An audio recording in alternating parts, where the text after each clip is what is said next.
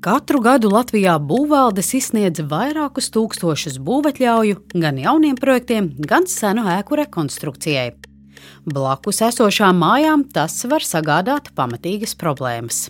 Šos pāriņus viņi ieurba, acīm redzot, pazemē slēptos pamatfragmentos.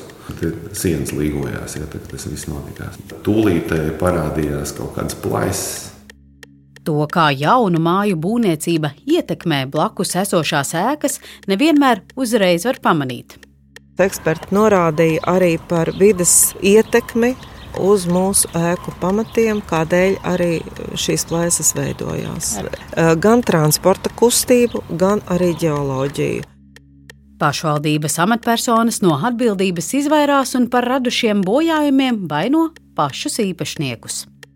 Es domāju, ka ļoti daudz dzīvokļu īpašnieku joprojām dzīvo tajā nu, ilūzijā, ka būvvalde, piemēram, varētu parūpēties par viņa īpašuma stāvokli. Nu, mēs sakām, ļoti žēl, bet mēs to nevaram izdarīt. Kādā mērā atbildīgās iestādes pirms izsniedz atļaujas jaunu ēku būvniecībai vai esošo māju rekonstrukcijai, ņem vērā apkārt esošo māju stāvokli? Un cik lielu vērību pirms būvdarbu sākuma projektu attīstītāji pievērš apkārtējās vides izpētēji, jeb geoloģijai.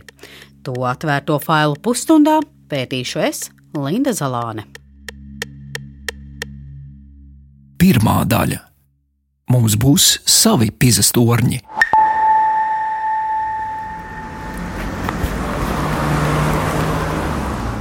Ir darba dienas rīts aprīlī, un es atrodos Krišāņa Valdemāra ielā Rīgas centrā.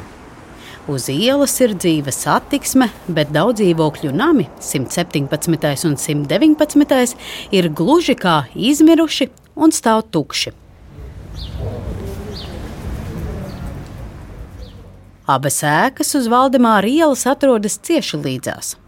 Tām ir apmesta gaiša fasāde, un tās ir būvētas pagājušā gadsimta pirmajā pusē. Sveicināti, Linda! Uh, labdien, Inta! Inta Ērgle ir 117. nama iedzīvotāja, kuru satieku turpat ēkas ārpusē. Viņas dzīve izmainījās 18. februāra vakarā. Es gāju uz koncertu 18.15. un mājās vairs neatgriezos. To vakar valsts ugunsdzēsības un glābšanas dienests no kāda garām gājēja saņēma zvanu, ka māja draudz sabrukt un krīt apmetums. Atbrauca glābēji un glāba māju. Ugunsdzēsēji evakuēja apmēram 30 cilvēkus, jo ēku tehniskais stāvoklis kļuva bīstams. Jūs bieži braucat aplūkot namu? Nu, īpaši bieži nē, lai vienkārši veltu nesāpinātu sirdi. Jo šobrīd mēs šeit nevaram dzīvot, mēs varbūt paņemam kādas savas lietas. Inta, tāpat kā pārējie kaimiņi, savās mājās nevar dzīvot jau vairāk nekā trīs mēnešus. Nopietnas plaisas sāka parādīties 19.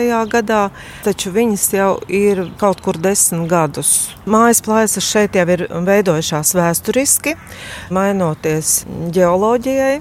Šajā rajonā nu, plājas, protams, neizskatījās glītas, bet viņas jau mums ir sen, un mājas iedzīvotāji arī pret to nebija vienaldzīgi. Un pavasarī arī bija plānots šos visus jautājumus sakārtot. Valdemāra ielas 117. nama iedzīvotāji lūdza māju apsekot diviem neatkarīgiem ekspertiem, jo vēlējās izprast, kādēļ tai rodas plaisas un kas šo procesu gadu gaitā ir veicinājis. Savu vērtējumu pēc pašvaldības pasūtījuma sniedz arī Rīgas domes pieaicināts certificēts būvinženieris.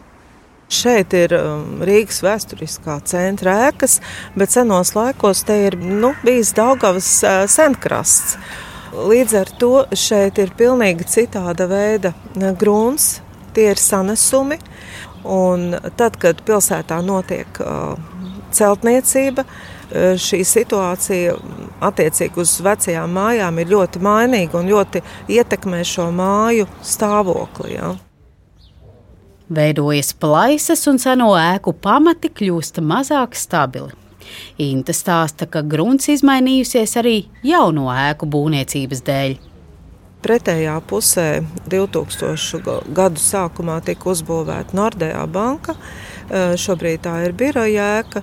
Un pēc ēkas uzbūvēšanas ilgtermiņā mēs jūtam ļoti lielu ietekmi 2008. gadā šo projektu, kas atrodas Krišāņa Valdemāra un Halojas ielas krustojumā, attīstīja kompānija LNK.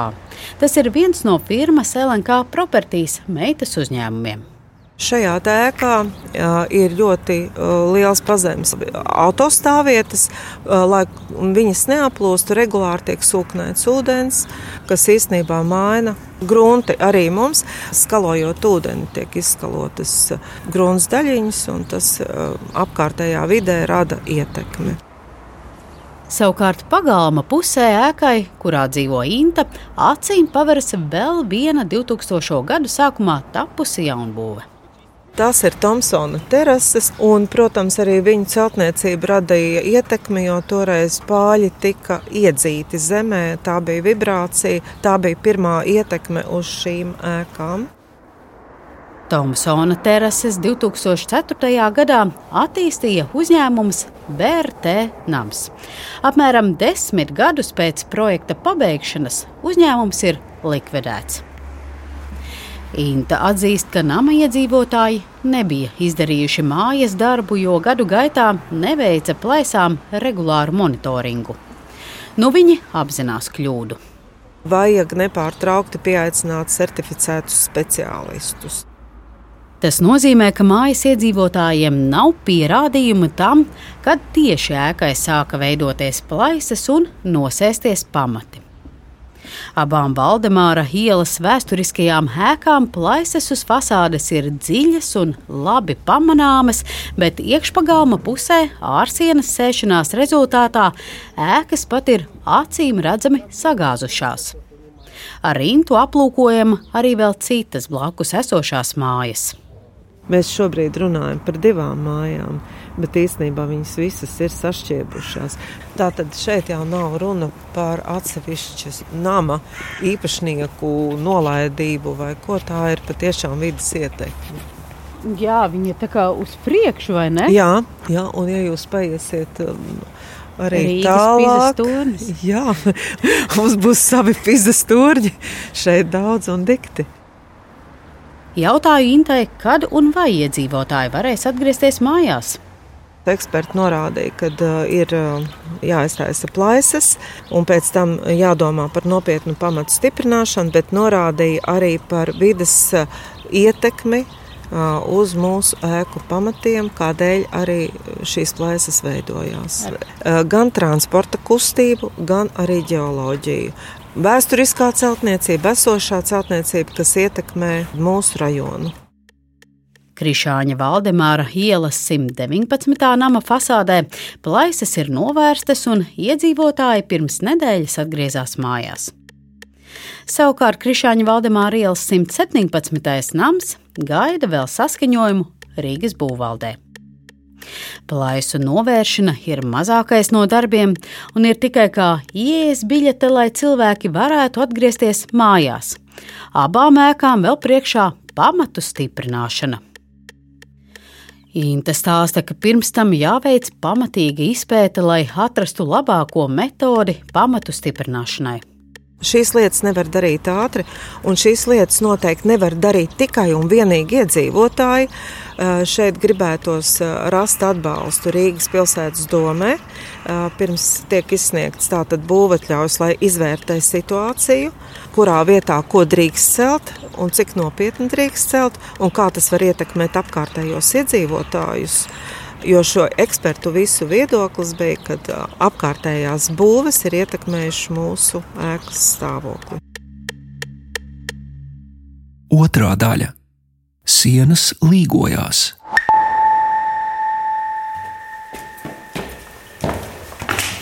Nu, Redz, kur plājas arī tāds, nu, piemēram, pēc saka, tie nekustamie īpašumi viņi atnāk un saka, ah, nu, redziet, jums jau te arī te kaut kas jau tāds bija bet tās ir cita veida. Šo saplēsošo krāsu es varu dabūt projām. Ar Mārtiņu Ķīsi, Gertrūdas ielas 32. nama īpašnieku, staigājam pa mājas neapdzīvoto pusi, kur savulaik atradās meiteņu gimnāzija. Te uz sienām redzamas daudz un dažādas plaisas. Mārtiņš stāsta, ka daļa no tām parādījās pirms pieciem gadiem, kad jaunā Rīgas teātra rekonstrukcijas laikā teātra piebūvē, kas atrodas iekšpagalmā, pazemēs sāka urbt pāļus. Piebūves siena atrodas viena metra attālumā no Mārtiņa mājas. Projekta pasūtītājs ir valsts nekustamie īpašumi. Bet šeit jau ir vajadzīga vai tur injekcija, vai tur kaut kāds metāls, kaut kas jāliek. Es jau nezinu. Pāļu urpšana ilga viens sešas dienas. Pēc tam, kad trauksme par plēsām cēla būvlaukumam blakus esošo dzīvojamo māju iedzīvotāji, būvniecību uz desmit mēnešiem apturēja. Nu, viņi saka, redz, tev tur ir biezs apmetums, bet tas ir strūns. Ja? To ir es, nu, tikšu galā. Ko man ar šito darīt? Kopā ar Mārtiņu staigājam no vienas telpas uz citu, no viena stāva uz nākamo. Ik pa brīdim uz sienām redzamas plaisas, kurām uzliktas atzīmes, kas liecina, ka bojājumi ir novērtēti. O, šī ir Nu, tāda ar nu, no, nu, normāli, vai ne? Te jau ir tā markerija virsū. Uz katras plaisas jau neuzliks. Nu, piemēram, pēc tur atdalījies ir apmetums, ja nokrits zemē. To pat mēs tā kā nu, nevērtējam. Ja? Bet, teiksim, lai šādu telpu nu, teiksim, teiksim, atjaunot, ja?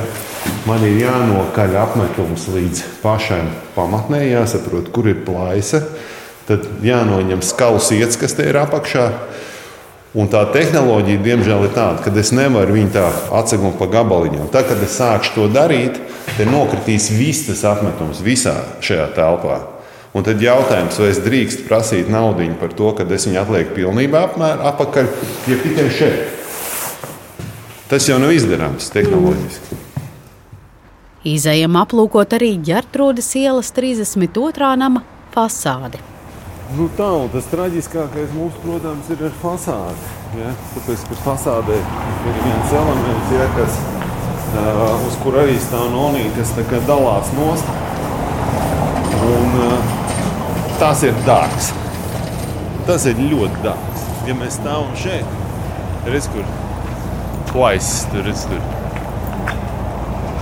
Tas nozīmē, ka ēkas daļa šitā te nāk nost šitā te dalās. Mārtiņš stāsta, ka jaunā Rīgas teātra rekonstrukcijas procesā varēja izvairīties no situācijas, kas būtiski pasliktināja blakus esošo namu tehnisko stāvokli.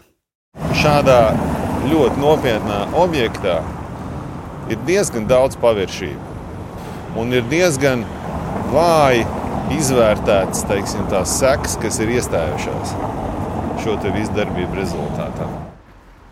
Pirms jaunā Rīgas teātra rekonstrukcijas viņa īpašumu apsekošana bija nepietiekama. 16. gadā, nu, protams, kad uh, zināma tāda nu, interesīta bija par ēku, bet nu, faktiski viņi neviens neizpētīja.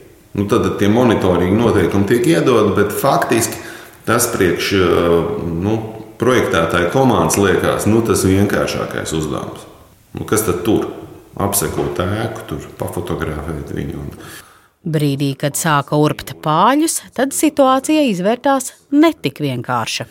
Un šos pāļus viņi ieurba, acīm redzot, pazemē slēptos pamatfragmentos, kas bija cieši savienoti ar blakus māju, ar mūsu māju.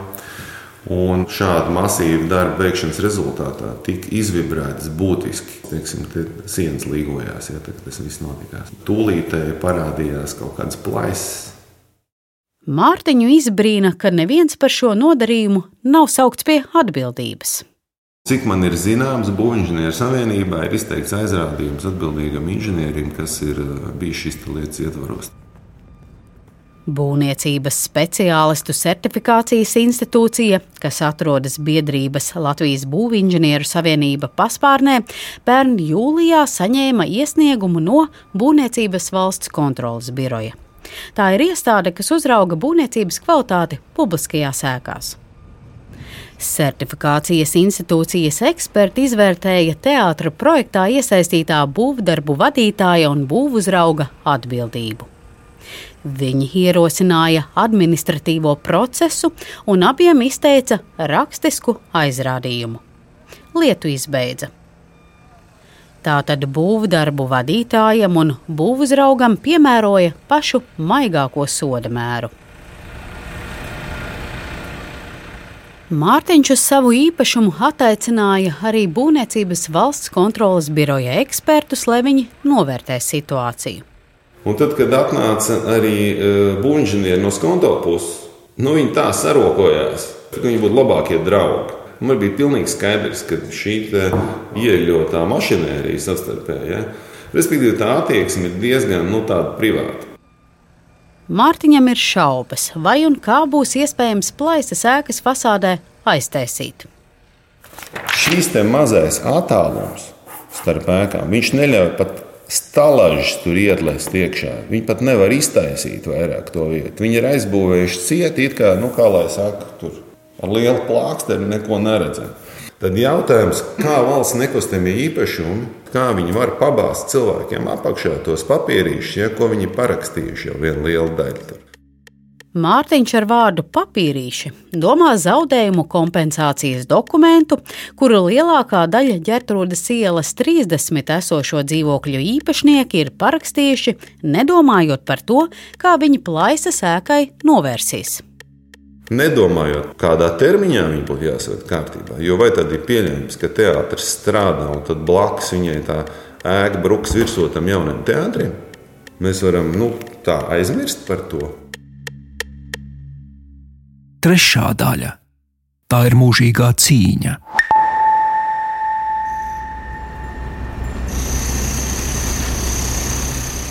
Divi stāsti Divas atšķirīgas situācijas, bet problēma viena - plaisas, ar kurām mājas iedzīvotājiem jātiek galā pašiem.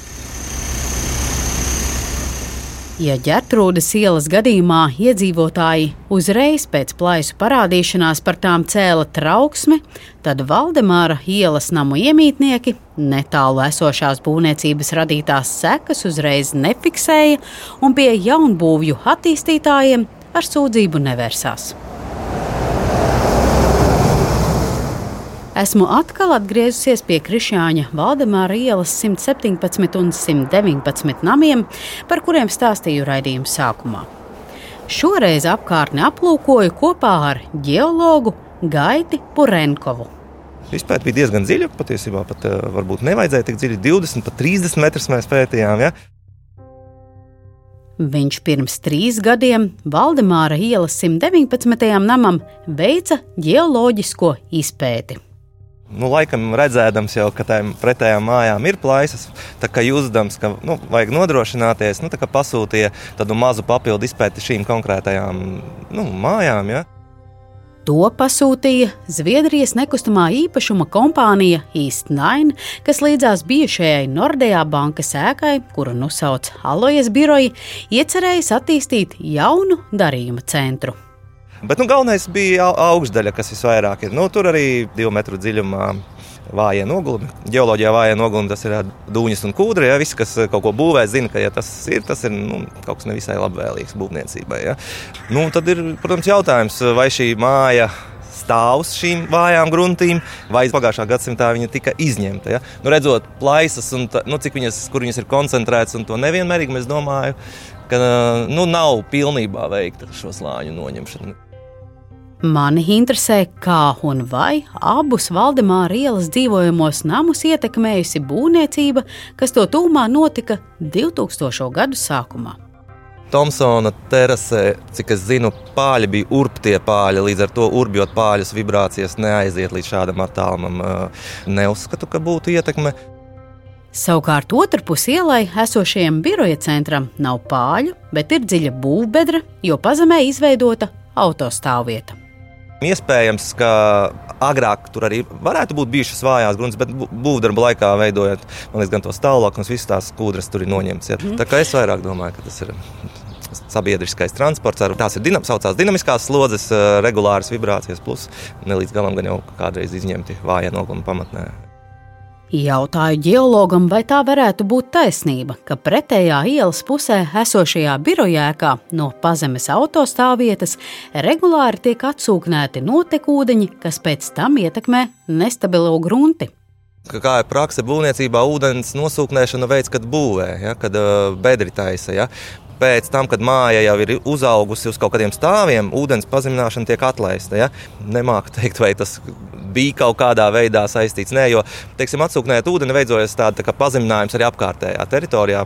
Kā tas tajā laikā tika monitoringots, nezinu. Savukārt Rīgas domes pieaicinātā certificētā būvinženiera Ingus Veisa tehniskās apsekošanas atzinumā es atrodu informāciju, ka blakus esošā būvniecība, kas veikta 2000. gadu sākumā, ir radījusi ietekmi tuvumā esošajiem Valdemāra ielas namiem. Atzinumā teikto ierunāja mans kolēģis. Šī ievērojamā sēšanās nav notikusi pēdējo gadu laikā, bet gan senāk. To varēja veicināt papildu dažādi apstākļi. Pagāma pusē esošās piecstāvu dzīvojamās mājas Tomsona ielā 32 būvniecība. Šī ēka visticamāk ir balstīta uz pāļu pamatojuma. Paredzēto risinājumu izbūvi ēkas būvniecības laikā varēja realizēt pielietojot tehnoloģijas, kas rada ievērojamas vibrācijas.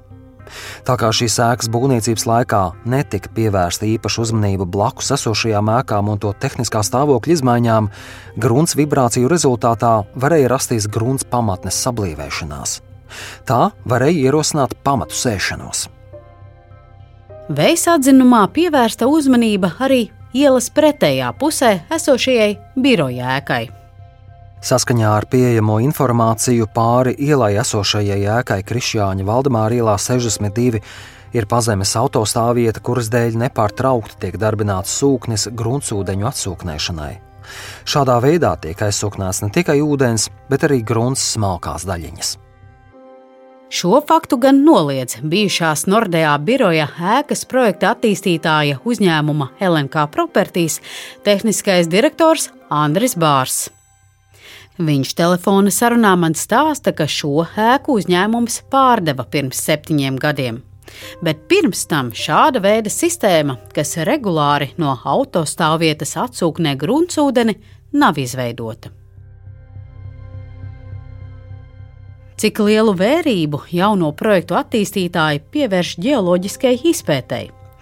Gaitis Purenkovs stāsta, ka geoloģiju, kas attīsta projektus, pasūta vienmēr, bet izpēte var atšķirties. Tu vari pasūtīt, nu, lai viņi ir ķeksīti, bet vari pasūtīt, lai viņa tiešām būtu liederīga. Ja? Nu, līdz ar to geoloģija arī ir metodes, ir laboratoriskās metodes, un katrā posmā tu vari uz to kaut ko iekonomēt. Gaitis stāsta, ka Latvijā geoloģisko izpēti veic vairāki uzņēmumi, kas arī savā starpā konkurē par pasūtījumiem, līdz ar to cenšas piedāvāt labāko cenu. Nu, te var teiksim, grēkot nedaudz. Jā, teiksim, ja normatīvs saka, ka varbūt vajag desmit turbumus, nu, varbūt tur kāds tur ah, nu, astoņus, septiņus. Uz to notiek? Jā, jā nu, tā ir regulāri. Uz ko tu vari būt labāks par citu, piemēram, jo arī normatīvi viņi ceļš ir visas eiro normas. Ja viņas ir tādas plašas, nedaudz izplūdušas. Un būvnieki uz to skatās un ietaupa, cik ir, rūpīgi to protams, ģeoloģiju. Protams, ir atbildīgi būvnieki, kas saprot, ka laba lieta nu, maksā. Ir kam interesē galvenais budžets. Ja? Nu, tad, nu, tā ir mūžīgā cīņa, tur neko nevar izdarīt. Kaut kur ir progress, kaut kur kādam tāpat tas budžets vienmēr būs pirmajā vietā. Rīgas būvvaldēs noskaidroja, ka 2000. gadu sākumā būvētajām jaunbūvēm, kas varētu ietekmēt arī Valdemāra ielas 117. un 119. namu tehnisko stāvokli, ir veiktas inženiertehniskās izpētes. Arī jaunā Rīgas teātra rekonstrukcijas projektam būvatļaujas izsniegšanas brīdī ir veikta geoloģiskā izpēte.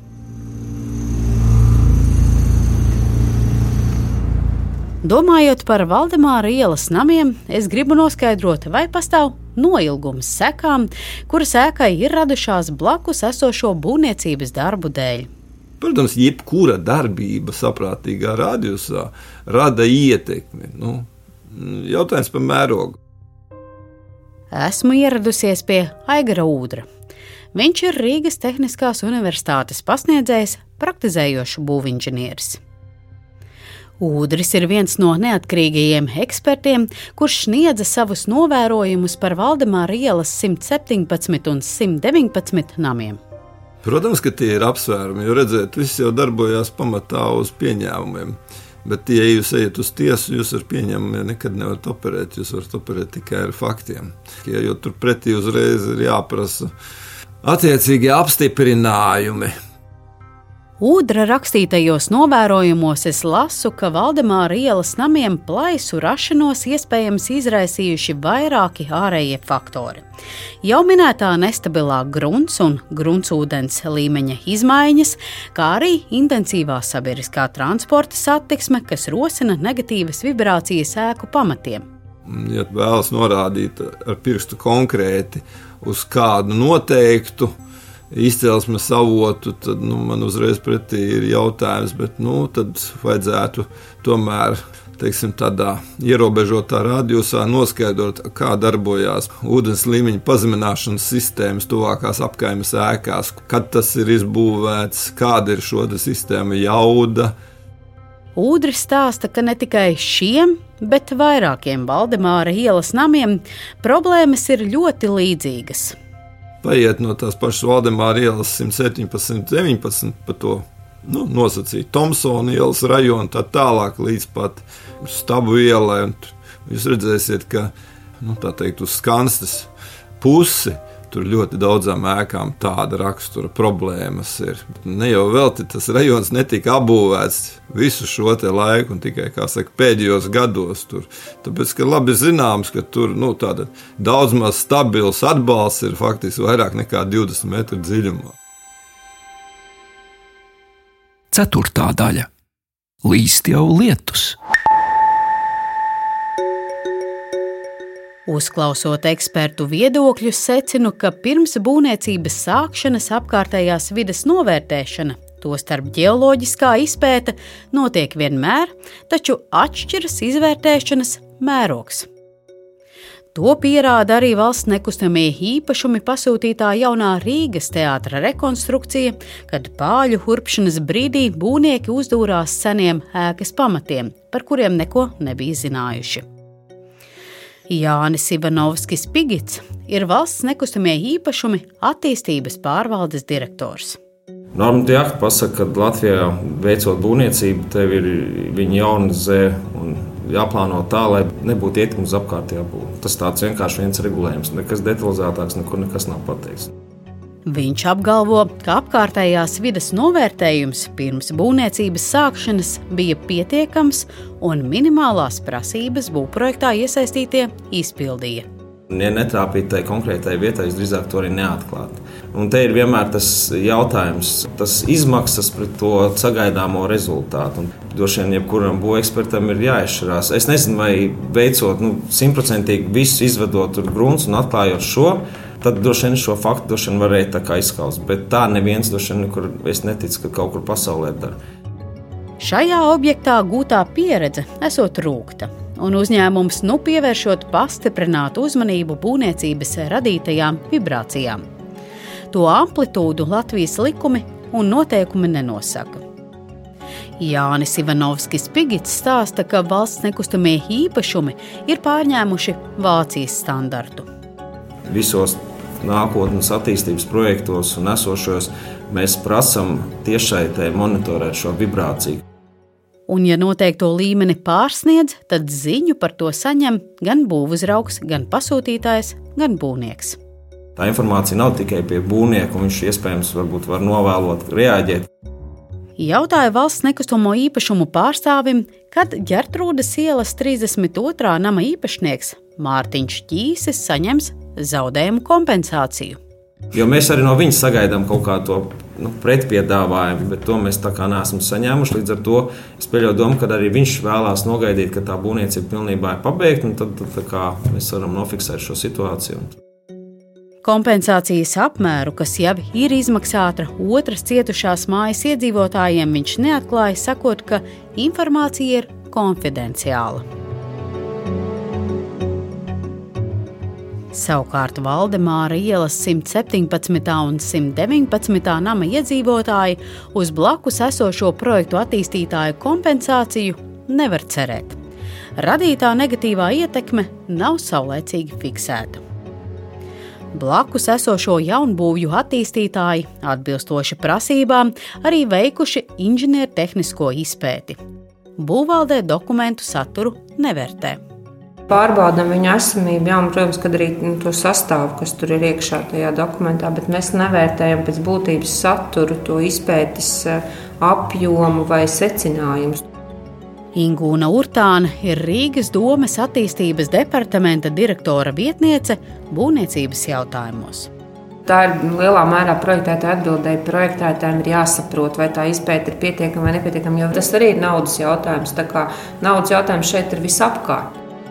Runājot par Valdemāra ielas namiem, Ingūna Urtāne skaidro, ka, lai arī to tehnisko stāvokli gadu gaitā ir pasliktinājuši dažādi apkārtējās vides apstākļi, tostarp blakus esošā būvniecība un arī fakts, ka būvvalde izsniegusi būvatļauju, pašvaldība ēku sakārtošanā nepiedalīsies. Ja agrāk, es nezinu, padomu laikos bija tās teiciens, ka jums nabadzīgiem jādzīvo privāti mājās, gan dzīvokļos ir labi, nu, par mums parūpējās.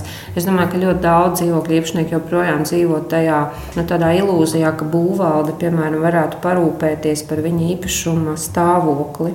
Nu, mēs sakām ļoti žēl, bet mēs to nevaram izdarīt. Labdien! Līdz Zalānā no Latvijas radio. Lai noskaidrotu, vai esošais būvniecības regulējums ir nepilnīgs, dodos uz ekonomikas ministriju. Tur satieku būvniecības politikas departamenta direktori Olgu Feldmani. Man īstenībā pēdējā laikā ļoti nepatīk tā attieksme pret būvniecības regulējumu un tādas cerības, ka būvniecības regulējumā mēs spētu ietvert tādu skaidru rīcības plānu katrai dzīves situācijai. Viņas prāt šobrīd būvniecības likums ir pilnīgs. Pēdējos grozījumus tajā veica 2019. gadā, un tajā ir precizēta certificēto personu, tostarp arhitekta un būvprojekta izstrādātāja, kā arī juridisko personu atbildība. Līdz šim šis ir bijis viens no tādiem trūkumiem, ko mēs bijām konstatējuši iepriekš. Visa priekšizpēte bija pārlikta uz pasūtītāju pusi. Tas nozīmē, ka pasūtītājiem vajadzēja pašam izdomāt, vai viņam vajag geoloģiju, vai viņam vajag hidroloģiju, vai viņam vajag kādu vēl priekšizpēti viņam būtu jāveic. Un tad, attiecīgi, līdz šim daudzi būvprojekta izstrādātāji atrunājās ar faktu, ka pasūtītājs nav nodrošinājis viņiem attiecīgi pilnvērtīgus dokumentus. Kā rezultātā viņi ir balstījuši būvprojektu risinājumus uz pieņēmumiem. Olga Feldmane nenoliedz, ka pirms grozījumu veikšanas nekvalitatīvas priekšspētes dēļ būvniecības procesā varēja apkārtējām mājām rasties bojājumi. Turklāt bija arī objekti, kur priekšspēte vispār nebija veikta. Un, piemēram, ir projektētājs bija paļāvies uz kolēģu veiktām priekšizpētēm blakus zemes vienībās. Arī tādi gadījumi ir. Jā. Patiesībā Nav jau tik liela problēma ar būvniecības procesa kvalitāti. Tas, ka ik pa brīdim parādās problēmas, bet ja mēs saprotam, ka mums ir tūkstošiem būvā atļauju tiek izsniegts katru gadu, un tad mums ir vienā vai divos projektos, pie kam tiešām ārkārtīgi sarežģītos apstākļos parādās kaut kādas problēmas, tas patiesībā nav nemaz tik slikts radītais. Un, un šādas problēmas var parādīties arī pie visas priekšizpētes. Jautāju Holgai, kas nogāja greizi jaunā Rīgas teātra rekonstrukcijā. Vienu brīdi analizējām, mēs arī esam skatījušies un vērtējuši gan būvdarbu vadītāju atbildību. Būvniecība Rīgas centrā ļoti blīvi apbūvētā teritorijā, turklāt, kur apbūve datējās ar aizpagājušā gadsimta beigām un pagājušā gadsimta sākumu, ir milzīgs risks tad nekas ārkārtējs tajā gadījumā nebija noticis. Un, uh, to mēs arī redzam, ka puses visas savas domstarpības ir atrisinājušas, un tas būvniecības process turpinās. Kopš neveiksmīgās pāļu urpšanas ir pagājuši pieci gadi. Bet Mārtiņa ķīša vienošanās ar valsts nekustamiem īpašumiem par zaudējumu kompensācijas apmēru vēl nebūtu nav galā. Mums tika piedāvāta e, zaudējuma atlīdzība kopumā apmēram 4000 eiro. Mārtiņš šādai summai nepiekrīt, jo uzskata, ka radīto zaudējumu apmērs ir krietni lielāks.